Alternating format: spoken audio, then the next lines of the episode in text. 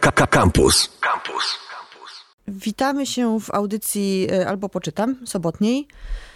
E, miałam nadzieję, że kolejna audycja już będzie taka, że wyjdzie się z radia i będzie pięknie, słonecznie i będzie wiosna, ale niestety jeszcze nie teraz. E, moją gościową dzisiaj jest Beata Homontowska. Dzień dobry, Beato. Dzień dobry, cześć. Będziemy dzisiaj rozmawiać o książce, która kupiła moje serce. Ale nie tylko o tej książce. Będziemy rozmawiać o tym też, co wcześniej Beata napisała i w ogóle o Beacie. Książka nazywa się Andreowia. E, wydało ją wydawnictwo Wielka Litera. E, piękny projekt okładki zrobił Łukasz Piskorek, e, który jak tylko zobaczył, że mam tę książkę już, to napisał do mnie, że mam mu zrobić tak, żeby migało pod światło, żeby było widać, czy jest dobrze lakier położony. Więc potwierdzam, jest pięknie położony lakier. Książka jest pięknie wydana i wspaniale napisana. A kim jest Beata Homontowska? Na wypadek, gdyby ktoś nie wiedział. Beata jest dziennikarką, Pracowała w wielu redakcjach, co wydaje się być kluczowe e, w dalszym toku rozmowy o książce. Pracowała między innymi w Rzeczpospolitej, w Pulsie Biznesu, w Gazecie Wyborczej, w Tygodniku? Dobrze pamiętam. Tak, współpracowałam. Tak. Współpracowała, tak. więc, e, więc zna ten dziennikarski świat, e, nie chcę powiedzieć, że od podszewki, ale go zna. Oprócz tego jest z Krakowa. E, co mnie bardzo zdziwiło, jak zaczęłam czytać książkę, to e, na początku jakaś taka była um, ulica wymieniona, która jest również w Warszawie. Tylko coś mi nie pasowało, jak doszłam do Małego Berlina. I stwierdziłam, że w Warszawie nie ma Małego Berlina. Ulica I, Chopina pewnie. Tak. I bardzo mnie to zdziwiło w ogóle, że, e, że piszesz o Krakowie, bo byłam przekonana, że w związku z tym, że pisałeś wcześniej książki o Pałacu Kultury, o Muranowie i w ogóle takie warszawskie książki, wydawało mi się, że to, to jest twoje miasto rodzinne. Tu się okazało, że Pułapka. No właśnie mnie to dziwi, że to kogoś dziwi. tak jakby to, że raz napisało się coś o czymś, to znaczy, że już trzeba pisać całe życie. E, wydaje mi się to wręcz zaprzeczeniem jakiejś takiej... Ale to może nie chodzi o to, że napisałeś o Warszawie, tylko jak napisać o Warszawie. Może to jest bardziej klucz do tego, bo teraz jak napisałeś o Krakowie, to napisałeś tak samo dobrze jak o Warszawie, więc już teraz w ogóle jestem w rozterce. Ale, ale piszesz, jak pisałeś, czytam Stację Muranów yy, i, i tą piękną książkę o pałacu, której muszę zerknąć, pałac, biografia intymna, bo zawsze mylę z tym intymnym, że mówię na przykład intymny pałac, już wszyscy się śmieją. Pałac, biografia intymna, to są wspaniałe książki, z których tak naprawdę trochę mm, ta miłość do Warszawy, przynajmniej w perspektywie mnie warszawianki, bije. A tu się nagle okazuje, że to jakiś taki, że może być miłość do Warszawy, ale nie generyczna. Ale oczywiście, no ale to można kochać e, nawet kilka osób jednocześnie, prawda? No to Więc... prawda. To jest tak, to jest temat, na który nie będziemy teraz zbaczały w audycji o książkach, ale możemy kiedyś o tym porozmawiać. Co tu mówić o, o miejscach? Nie, no oczywiście na początku była ta stacja Muranów e, i to był okres takiej fascynacji Warszawą. E, rzeczywiście, czy fascynacji konkretnym miejscem w Warszawie i takim wręcz obsesyjnym zgłębianiem, zwią zwią związany z takim wręcz obsesyjnym zgłębianiem tożsamości mhm. tego miejsca. E, ale potem ja też napisałam taką książkę powieściową, która zupełnie nie ma nic wspólnego ani z Warszawą, ani z Krakowem, ani z Polską. E, I więc ja też bym się nie zamykała w jakiejś szufladce zupełnie. I wydaje mi się, że właśnie, właśnie to mnie dziwi, że to dziwi, dlatego że Oczywiście są ludzie i to jest, nie jest też tak, że coś jest lepsze, a coś jest gorsze, bo różne są ścieżki. Są ludzie, którzy eksplorują non-stop jedną tematykę i się czują w tym dobrze, mhm. natomiast ja do tej grupy nie należę i wydaje mi się, że istotą w ogóle jakiejś takiej wszelkiej twórczości, czy to jest gotowanie, mówię z całym tutaj, y, nie kpię sobie, tak? Mhm. Czy to jest gotowanie, czy to jest pisanie książek, czy to jest komponowanie, cokolwiek, jest właśnie eksperymentowanie i próbowanie nowych rzeczy y, z całym też, z całym ryzykiem tegoż. Mhm. No tutaj e, prosiłabyś o to, żeby powiedzieć parę słów o książce, bo ja zawsze już wpadłam na to ostatnio, że jak prowadzę te swoje audycje, to zawsze mam wrażenie, że wszyscy już tę książkę przeczytali, o której my rozmawiamy i możemy sobie swobodnie po prostu e, pływać po, e, po temacie. Natomiast tej książki jeszcze wszyscy chyba nie mieli prawa prze, przeczytać, bo ona miała premierę stosunkowo niedawno, a wiadomo jak u nas jest z nadpodażą książek, więc powiemy tak, ja powiem. Bo nie będę prosiła Beaty, żeby opowiadała o swojej własnej książce, o czym ona jest więc książka, dlaczego mnie e, kupiła i dlaczego mnie się bardzo podobała? Dlatego, że się nie spodziewałam w ogóle takiej, takiej książki po tej książce. Nie po tobie, tylko po tej książce. Myślałam, że to będzie zupełnie coś innego. Natomiast dostajemy taką klasyczną powieść e, z elementami satyry. E, bardzo się chwilami śmiałam i czytałam na głos niektóre fragmenty napotkanym ludziom. Taką opowieść o rodzinie krakowskiej, która przeprowadza nas przez trzy pokolenia, cztery w zasadzie. No Mhm, tak, cztery mhm, pokolenia. mhm. E, Przez historię Polski bardzo skomplikowaną, jak wiemy, e, i już wielokrotnie opisywaną w różnych i powieściach, i traktatach historycznych. E, Pokazuje nam trochę krakowskości, takie mam wrażenie. Bardzo dużo jest tam chyba twojej ulubionej architektury, przynajmniej jednego z takich znaków twoich rozpoznawczych, bo jak opisujesz krakowskie budynki, to ma się, nie będąc z osobą z Krakowa, ma się wrażenie, że się je widzi po prostu i doskonale się je zna i było się tam już mnóstwo razy. E, Jest to opowieść o zmiennych losach i chyba nie można powiedzieć e, inaczej. Natomiast wszystkim ją bardzo serdecznie polecam, bo jak zazwyczaj są książki, które polecam jednej grupie, a drugiej trochę mniej, a trzeciej w ogóle na przykład, żeby ich nie ruszała, to to jest taka książka, która mam wrażenie, że spodoba się bardzo wielu ludziom, bo każdy znajdzie zupełnie inną rzecz, bo jest trochę miłości, trochę niezwykłości, trochę historii, trochę tej e, historii społecznej Polski, e, a trochę takiej obyczajówki klasycznej, takiej, takiej powieści obyczajowej po prostu, której, do których, e, od których się trochę odzwyczailiśmy, mam wrażenie, przynajmniej ja, bo ostatnio nic takiego nie czytałam.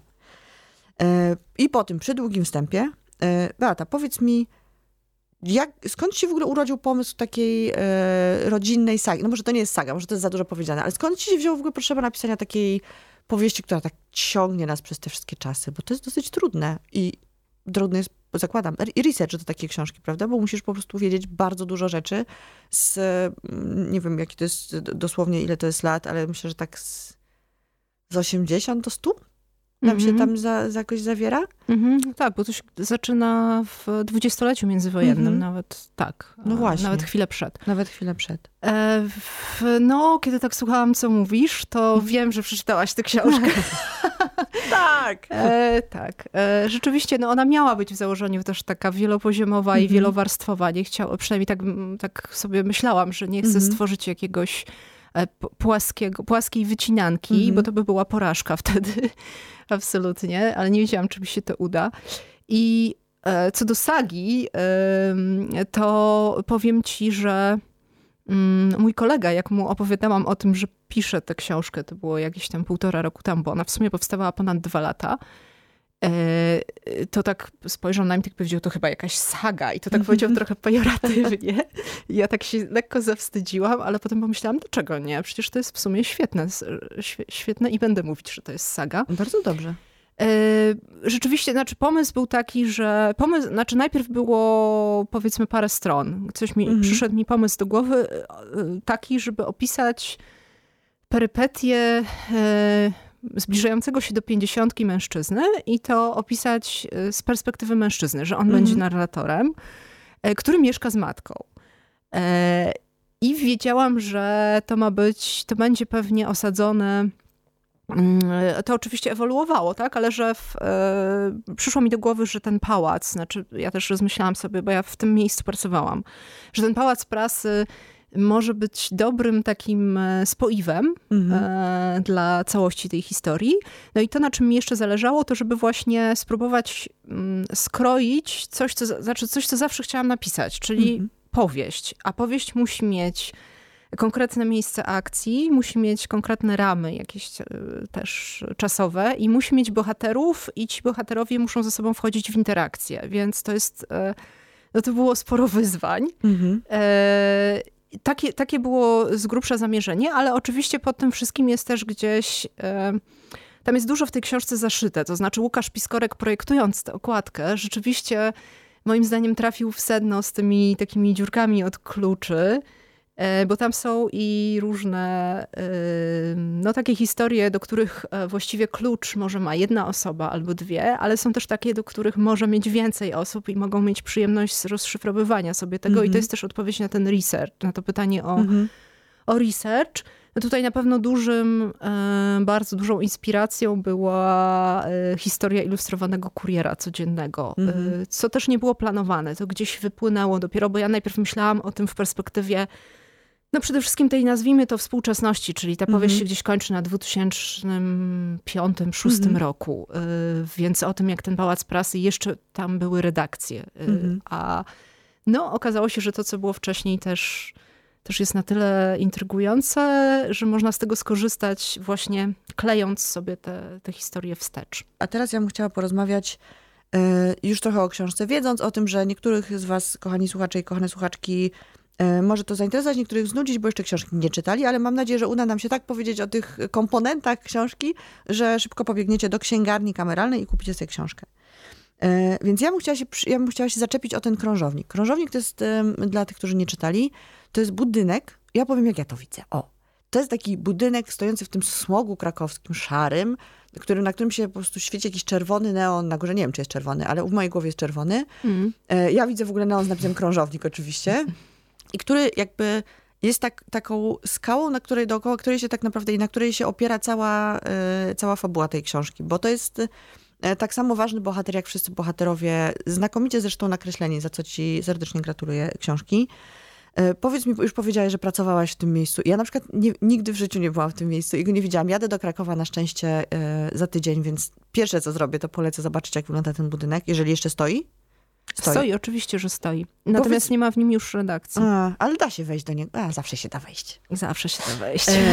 E, świadomia, że przecież i tak wejdę. E, powiedz mi, co, co to jakby skąd ten budynek y, się wziął w twoim życiu, jak rozumiem, pracowałeś w nim, ale dlaczego zrobiłaś z niego tak ważną, taki ważny element tej książki całej? Co w nim jest takiego niezwykłego, że, że się stał skałą powieściową? Dziękuję ci w ogóle za dobre słowo o tych bohaterach, ale y, y, wiesz, to chyba trochę się przypadkowo stało. Mhm.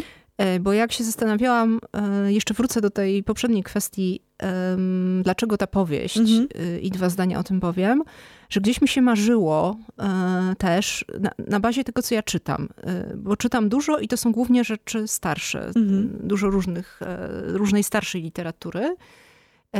I po pierwsze, bardzo lubię takie powieści typowe, nie wiem, Wojna i pokój, e, tak. e, klasyczne, rosyjskie, francuskie i tak dalej. Z drugiej strony lubię takie powieści niesamowite i e, opowieści szkatułkowe. I gdzieś -hmm. mi się marzyło, bo jakoś też dawno nie czytałam nic takiego, co by odwoływało się do właśnie takiej, takich pierwocin chyba wszelkiej literatury, czyli takich opowieści, które snuło się gdzieś przy ogniu i one były ustnie powielane. Tam było mhm. trochę elementów takich też fantastycznych, one zmieniały wersje, no bo wiadomo, jeden drugiemu przekazywał i później to było spisywane. Taka dokładnie mhm. gdzieś pierwociny literatury. I a, więc jakby to, to, to było tutaj i kiedy się nad tym też zastanawiałam, co, jak ten świat... Y, powieściowy sobie ułożyć, no to pomyślałam, że no najłatwiej jest chyba pisać o tym, co się zna. No mhm. będzie trochę niewiarygodne, jak to nie wiem, będzie się rozgrywało, no teraz oczywiście mhm. wymyślam, nie wiem, w szpitalu. Mhm. E, no, no, to środowisko, e, środowisko medialne e, znam i pracowałam w tym budynku. I, i właśnie pomyślałam, kurczę, to jest, to jest naprawdę ten budynek i to, i to sobie też można, sama się z tego śmieję, ale bo ja mam taki, taki spóźniony zapłon trochę, że na przykład uświadamiam sobie, że o rany, to ja jestem też w sumie dziewczyną z bloku, nie? Mm -hmm. Jak przy poprzedniej książce, a tutaj ten budynek był naprawdę mhm. niesamowity. To było coś pracować w takim miejscu, bo on miał. E, to oczywiście w samym Krakowie. E, co też jest istotne może, dla samego Krakowa architektura 20, lat 20., lat 30. nie jest niczym e, zasługującym na szczególne traktowanie, mm -hmm. bo w mhm. Krakowie wieki na nas patrzą mm -hmm. i tam się ceni to, co ma przynajmniej 300-400 lat. No tutaj jest trochę mniej. Dopiero ostatnio jakieś mm -hmm. zainteresowanie tą e, architekturą jest, ale to też było takie świadome, myślę, nawiązanie do moich fiksacji architektonicznych. Yy, uświadomiłam sobie, że rany, ja pracowałam tam w środku, że ten budynek jest tak niesamowitym miejscem, że tam się wchodzi. E, tam zawsze był taki portier na wejściu E, przez którego trzeba było prze, przebrnąć, mm -hmm. jak ktoś był spoza. I później się wchodziło i jest taki czerwony chodnik, takie dwie windy po obu stronach, e, symetryczne i otwarte galerie na każdym piętrze, bo to mm -hmm. pierwotnie był budynek, który był um, projektowany jako dom towarowy, mm -hmm. ale to niestety szybko zbankrutował. I jak to było niesamowite miejsce do pracy. E, że teraz się nie pracuje w takich miejscach, e, że to jednak było olbrzymie szczęście w takim miejscu być, bo teraz się pracuje w jakichś strasznych open space'ach, zresztą mm -hmm. już tam redakcji nie ma, w jakichś biurowcach bezdusznych, a to było no, miejsce sprzyjające rozmaitym interakcjom i takie też tajemnicze i z dachem, na który to dach e, Tam była też restauracja na ostatnim mnie piętrze. jakoś specjalnie ten dach z tą restauracją interesuje. I potem zaczęłam sobie też przeglądać właśnie zdjęcia w Narodowym Archiwum Cyfrowym Mhm. i e, odkryłam też, jak ten gmach żył w czasach właśnie dwudziestolecia ilustrowanego kuriera codziennego. Kiedy na ten dach e, właściwie wszyscy ważni goście, którzy bywali w Krakowie, e, byli zapraszani i tam Mhm. sobie robili zdjęcia. Artyści no z, całej, z całej Polski, z zagranicy, oczywiście w czasie okupacji też, bo tam wychodziła gadzinówka Mhm. Krakauer Zeitung. E, No to też Hans Frank się tam na tym dachu fotografował, więc to jest w ogóle też taka, to jest taki pałac, można powiedzieć, no, przy zachowaniu wszystkich proporcji, Mhm. ale można to porównać też do naszego Pałacu Kultury No pod względem... ja miałam takie wrażenie no trochę, jak czytałam, między Pałacem Kultury a Domem Braci Jabłkowskich, gdzie były te właśnie otwarte galerie. To tak mniej więcej Mhm, z braku pożywki prawdziwego budynku tak wyglądał mniej więcej w mojej wyobraźni. mhm, faktycznie, tak. No i to, e, więc to nie było gdzieś planowane. y, Powiedzmy tak, mając pewien zalążek tego bohatera, mm, chciałam go umieścić w miejscu, które znałam i to tak wyszło. A Mhm. później to potoczyło się, to pisanie zaczęło się rozwijać w różne strony, powiem tak. E, Tam, są wspania- tam jest wspaniała galeria postaci. Nie zdradzimy dużo, jak powiemy, że jest tak. Jest wspaniała babcia. Jest tak, wspania- od początku. Pradziadek jest wspaniały. E, Jest członkiem jakiegoś tajnego bractwa, bardzo ważną osobą, e, bardzo taką... e, To jakby bractwo, to ładnie powiedzieć, umiejącą się odnaleźć w różnych sytuacjach. on ma przydomek zaradny, Mhm. bracki przydomek zaradny i bractwo, chciałam tutaj powiedzieć bardzo to wyraźnie, bractwo kurkowe w Krakowie istnieje. E, I to jest, jeżeli ktoś mówi o masonerii, o Mhm. różnych tajnych sprzysiężeniach, niech sobie lepiej wejdzie na stronę internetową tej organizacji i zobaczy, kto do niej należy i kto jest członkiem honorowym. To bractwo rządzi światem, moim zdaniem.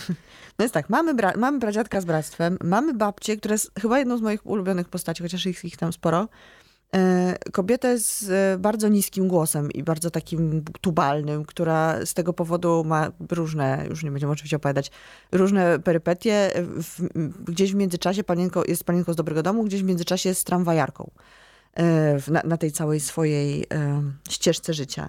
Potem mamy wspaniałą matkę, e, z którą ja się bardzo chcę utożsamiać i nawet e, zaczęłam Mhm. ćwiczyć przez tę osobę, bo, bo Beata tak napisała tę postać. To jest postać e, trochę takiej rozpieszczonej dziewczynki, trochę femme fatale. W zasadzie nie wiadomo, gdzie ją ulokować, bo to się... e, Młodziakówny, płyn, która tak. później w ko- kolejnych etapach życia. e, która ma absolutnie niezwykłą historię, którą musicie poznać, jak przeczytacie książkę. E, I cały czas jest gdzieś tam w pewnym momencie jest podkreślane, że ona jest w świetnej formie cały czas, bo ćwiczy i uprawia jogę i w ogóle jest taka... Więc ja stwierdziłam, że ja też chcę być w takiej świetnej formie jak ona i zaczęłam ćwiczyć, także dziękuję ci bardzo Beato za to. E, No i na samym jest jeszcze redaktor, w międzyczasie też wspaniała postać i na samym końcu mamy tego głównego bohatera, który tak naprawdę w moim pojęciu jest takim głównym bohaterem ukrytym przez większą część tej książki. On się oczywiście pojawia, ale jest e, w- tle, tak? Jest, nie jest do końca narratorem.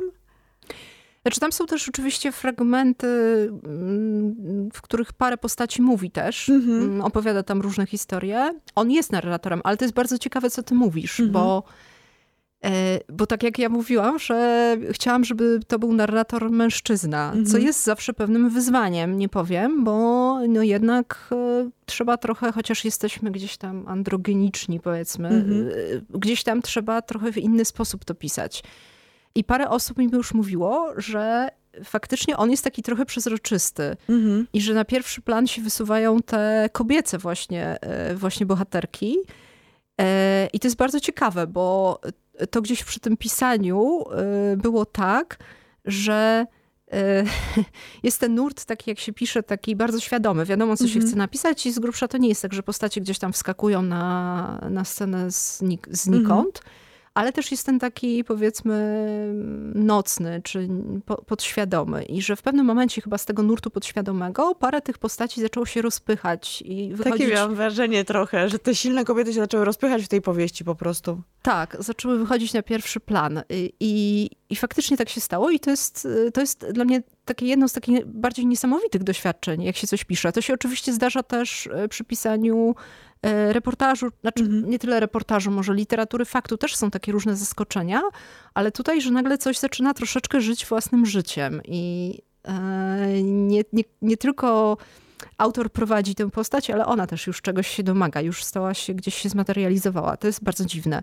Natomiast faktycznie ta Wanda, ja myślę, że to też jest e, ta Wanda, czyli matka. Mhm. E, no to chodziło mi też o to, żeby matka była e, takim zaprzeczeniem, bo tam też są takie świadome, powiedzmy trochę sparodiowane pewne rzeczy, podwracane żeby ona była zaprzeczeniem takiej staruszki, która słucha wiadomego radia, nie Radia Campus. Powinna słuchać Radia Campus w sumie. No właśnie, ona mogłaby słuchać Radia Campus. Zresztą tam wątek radiowy też się pojawia w tej książce. Ale właśnie taka, taka żwawa, taka, taka osoba, nie wiem, jak Coco Chanel, czy ktoś taki, mm -hmm. kto, kto, do końca swoich dni był, e, był e, e, żwawy, pełen życia, witalny, i nieprzewidywalny miał... całkowicie, prawda? Bo to też jest taki rys tej postaci, że nawet jej własny syn nie ma zielonego pojęcia tak naprawdę w gruncie rzeczy, co się z nią dzieje i kiedy. Po prostu dostaje takie... Znaczy ma matkę raz na jakiś czas i bardzo ją kocha oczywiście, ale ona mu nigdy nie odsłania tak 100% swojego życia. To jest moim zdaniem wspaniały zabieg. I taka właśnie też, żeby była niekonwencjonalna, że mm. macierzyństwo było dla niej, nie chcę, nie chcę też oczywiście wszystkiego tutaj zdradzać, ale E, no, zwłaszcza w okresie, y, o którym mowa, czyli to jest tam od czasów jej młodości, czyli tuż przed wojną, po, po te czasy PRL-owskie, dość niekonwencjonalną, no nie, nie spełniającą się absolutnie i nie pragnącą powielać takiego, e, takiego schematu matki na przykład, a żonu, żony to w ogóle. Mhm. I i też y, oczywiście mającej kontakt z siłami nadprzyrodzonymi. Być może tutaj tkwi tajemnica mm -hmm. jej wiecznej młodości. No właśnie, bo to jest w ogóle też wspaniała rzecz. Ja w ogóle sobie zanotowałam takie zdanie wczoraj w nocy czytając, bo kończąc, że, że ta historia, że te historie, które to opisują, bo to nie jest jedna historia, tam jest mnóstwo historii y, i czasami człowiek je czyta i ja miałam takie podejście do tego, że czytam historię, już nie pamiętam, o którą konkretnie chodziło, o któryś zawijas po prostu fabularny i myślę sobie, kurczę, to nie może być nieprawda. Bo to po prostu jak się to czyta, to, są, to sprawia wrażenie takiej super dziwnej historii z mediów, którą gdzieś tam usłyszeliśmy i myślimy sobie, kurde, to jest niesamowite, że takie rzeczy się dzieją. I napisać taką książkę, że ja cały czas jak ją czytałam, to miałam takie mm, poczucie, że czytam po pierwsze coś, co jest dokumentem, w sensie to wszystko się zdarzyło, ta, ta, ta rodzina żyje, w ogóle żyła i tak dalej. A po drugie, jakby wszystko, co tam czytałam, próbowałam sprawdzać w e, internecie. Więc sprawdzałam na przykład, czy istniał przebój hit o Boże, srebrna gorączka to się nazywało? A, nie. Srebrny pył. A, już... Bo jest w pewnym momencie, y, cały Kraków dostaje obsesji na punkcie zdrapek i, i wszędzie, Beata pięknie opisuje, że wszędzie leży ten srebrny pył ze zdrapek i piszesz, że nawet jakiś zespół e, napisał hit, który się nazywał tam już nie pamiętam. Srebrny pył. Srebrny pył. No więc ja od razu wklewałam sobie w Google e, i szukam tej piosenki. I się okazuje, że znalazłam jakieś rowery, e, rzeczy do makijażu i tak dalej. I ani jednej piosenki. Poczułam się rozczarowana, że jak to? Przecież chciałam ją usłyszeć.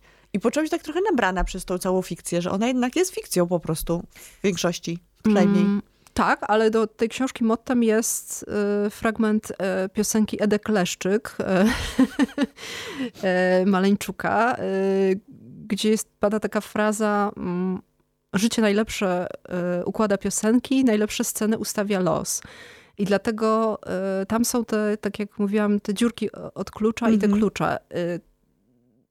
Większość tych wydarzeń, nie wszystkie, ale większość ma swoje zalążki w rzeczywistości, z tym, że później te kiełki się rozwinęły często w zupełnie inną stronę niż to w tej mhm. rzeczywistości było, ale jest tam parę takich historii, które zdarzyły się naprawdę, trochę tak przetworzonych.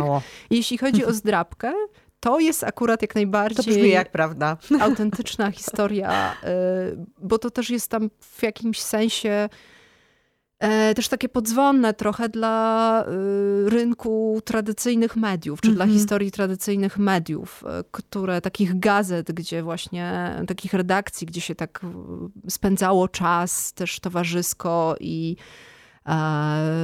i wydawało się ludziom, że robią coś bardzo ważnego, tworzą historię, mm -hmm. a potem te gazety no niestety zalegają gdzieś w bibliotekach i tylko może studenci prasoznawstwa do nich mm -hmm. zaglądają.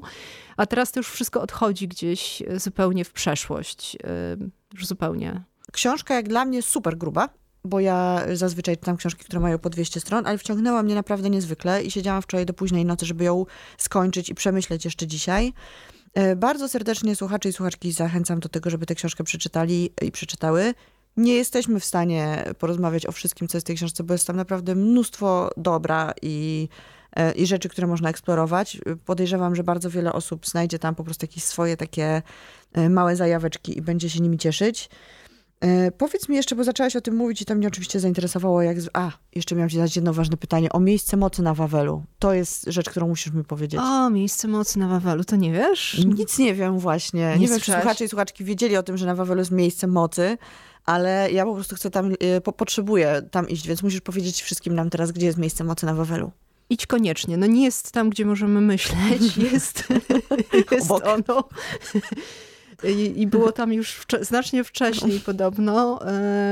No, mieści się przy jednej ze ścian, ale to tam można podpytać i mhm. trafić. I to jest czakram rzekomo wawelski. Oczywiście y, ja teraz nie będę demistyfikować tego, mhm. ale tam jest jeszcze cała historia z niejaką um, Wandą Dynowską, która e, to, to była taka joginka, współ, mhm. współpracownica Gandiego. Pojawia także, się zresztą która, też na kartach Tak, pojawia powieści. się tam u Madewi, która mhm powiedzmy zwróciła uwagę powszechną na ów czakram mhm. i e, potwierdzała jego autentyczność, tak też mówiąc bardziej kolokwialnie. Mhm. Jest czakram i do czakramu zdążają e, w ogóle pielgrzymki e, też z, z całego świata, naprawdę. Więc warto spróbować. E, mnie to cieszy, co mówisz, dlatego że jedynym, znaczy właściwie ja sobie nie stawiałam też, e, to teraz może trochę kokietuję, bo mhm. wiadomo, że chciałam napisać powieść, która będzie jakoś trzymała się kupy, ale chodziło mi przede wszystkim o to, żeby ona się, żeby to była książka, która się dobrze czyta, że, się, mhm. że wciągnie jakoś swoimi, wciągnie narracją i że będzie śmieszna. O to mi chodziło, żeby ona była żeby, żeby śmieszyła nie tylko mnie może, więc jeśli jeszcze kogoś śmieszy. E, jest... Ja myślę, że to jest stuprocentowy sukces, bo wciąga faktycznie niezwykle, e, śmieszy, śmieszy, wzrusza, e, powoduje, że człowiek się zaczyna zastanawiać nad różnymi rzeczami i przemyśliwać swoje życie. E, przynajmniej niektóry człowiek, ten, który siedzi tutaj przy mikrofonie. Powiedz mi jeszcze jedną rzecz na, na koniec już niestety naszej rozmowy, bo wspomniałaś o tym, że czytasz książki, które są klasycznymi powieściami, książki stare, w sensie mm -hmm. napisane dawno. Powiedz, co ostatnio takiego czytałaś, co byś poleciła naszym słuchaczkom i słuchaczom jeszcze szybciutko na antenie. Ech. Ostatnio to czytałam dużo literatury religioznawczej, ale wcześniej, e, no na przykład poleciłabym bardzo książkę, która, e, której składam hołd w tej książce mm -hmm. też. Jak ktoś będzie uważny, to się domyśli, mm -hmm. czytając. To jest wielkie solo Antona L. Mm -hmm. Herbert Rosendorfer, autor trochę zapomniany, którego budowniczy ruin się mhm. też niedawno ukazał nakładem piwu. Mhm. E, to jest taka książka. E, co jeszcze? A, ostatnio, no ostatnio, kwartet aleksandryjski na mhm. przykład. No to jest książka Kosmos, którą jak zapada takie pytanie o te książki, które by się tam gdzieś zebrało ze sobą na bezludną wyspę i trzeba wymienić tam jedną albo dwie, no to to jest taka książka właśnie. Natomiast to Wielkie Solo to jest w ogóle książka, która podobno ma swój taki tajny krąg e, wielbicieli. Ja tego nie czytałam, w ogóle nie słyszałam o tym. Bardzo, bardzo polecam. A Budowniczego Ruin już mam za sobą i był faktycznie świetny. Tak, Budowniczy Ruin, no, który nawiązuje też do tych wszystkich powieści szkatułkowych mm -hmm. i, i, i, bawi się też naszym potockim e, rękopisem. Zresztą też z zakładką Piskorka, ja nie wiem. O! Łukasz po prostu, Łukasz mistrzem e, skomplikowanych okładek skomplikowanych szkatułkowych książek. Tak, znakomicie rzeczywiście oddał mm. istotę rzeczy tutaj. Więc to wielkie solo Antona L., gdzie bohaterem jest, y, mogę powiedzieć tylko tyle, urzędnik, taki bardzo y, niby taka szara postać, ale dość niekonwencjonalna też. E, I który odkrywa, że jest, został jedynym człowiekiem e, żyjącym na, na Ziemi. E, najpra najprawdopodobniej. Ale mu zazdroszczę teraz. To jest motyw zresztą nie tylko przez Rossendorfera mm -hmm. eksploatowany, bo nawet Jerzy Pilch w mm -hmm. bodajże swojej ostatniej czy przedostatniej książce też to też do tego nawiązał. Mm -hmm. No i właśnie, no i to, to, od tego się ta książka zaczyna, ale to jest no, też książka, która która traktuje o sprawach poważnych, jest magiczna jakoś tam, a jest niesamowicie zabawna. Więc jeżeli też można tak, tak to strywializować, mm -hmm. zabawna, bo to nie jest do końca... Nie, zabawne to musimy się nauczyć mówić zabawna z pełną powagą. W sensie zabawne książki są bardzo dobrymi książkami. To nie jest nic złego. E, ani, że człowiek jest zabawny, ani, że książka jest zabawna. E, no dobrze, kochani słuchacze, kochane słuchaczki, musimy niestety powoli kończyć. E, ja, to zawsze złości, że muszę kończyć rozmowę, no ale jakby taki mamy, taki mamy czas. E, dwie rzeczy, które chciałam jeszcze z ogłoszenia parafialne na końcu powiedzieć. Bardzo bym chciała Was zachęcić do rzeczy, które nigdy nie robię, czyli do zainteresowania się wsparciem magazynu literackiego Wizję, który w związku z różnymi komplikacjami, o których nie będziemy mówić na antenie, ale wszyscy pewnie wiedzą, jest, e, jest troszeczkę zagrożony e, zniknięciem z internetu, a szkoda by było, bo to jest bardzo dobry magazyn literacki. Jeżeli go nie znacie, to bardzo polecam. Więc e, jeżeli nie macie co robić z sobotnim popołudniem, to albo czytajcie książkę, albo zajrzyjcie do internetu, przeczytajcie fragmenty poezji, prozy, mm, krytyki literackiej w magazynie Wizję i zastanówcie się, czy nie chcielibyście go wesprzeć. A druga rzecz jest taka, że w przyszłym tygodniu moim gościem będzie krakowski gość, więc ja nie wiem, co tu się wydarza. Chyba musimy jakoś po prostu, e, ciągnie mnie w stronę Krakowa, muszę jechać i jakoś tą swoją tęsknotę zabezpieczyć.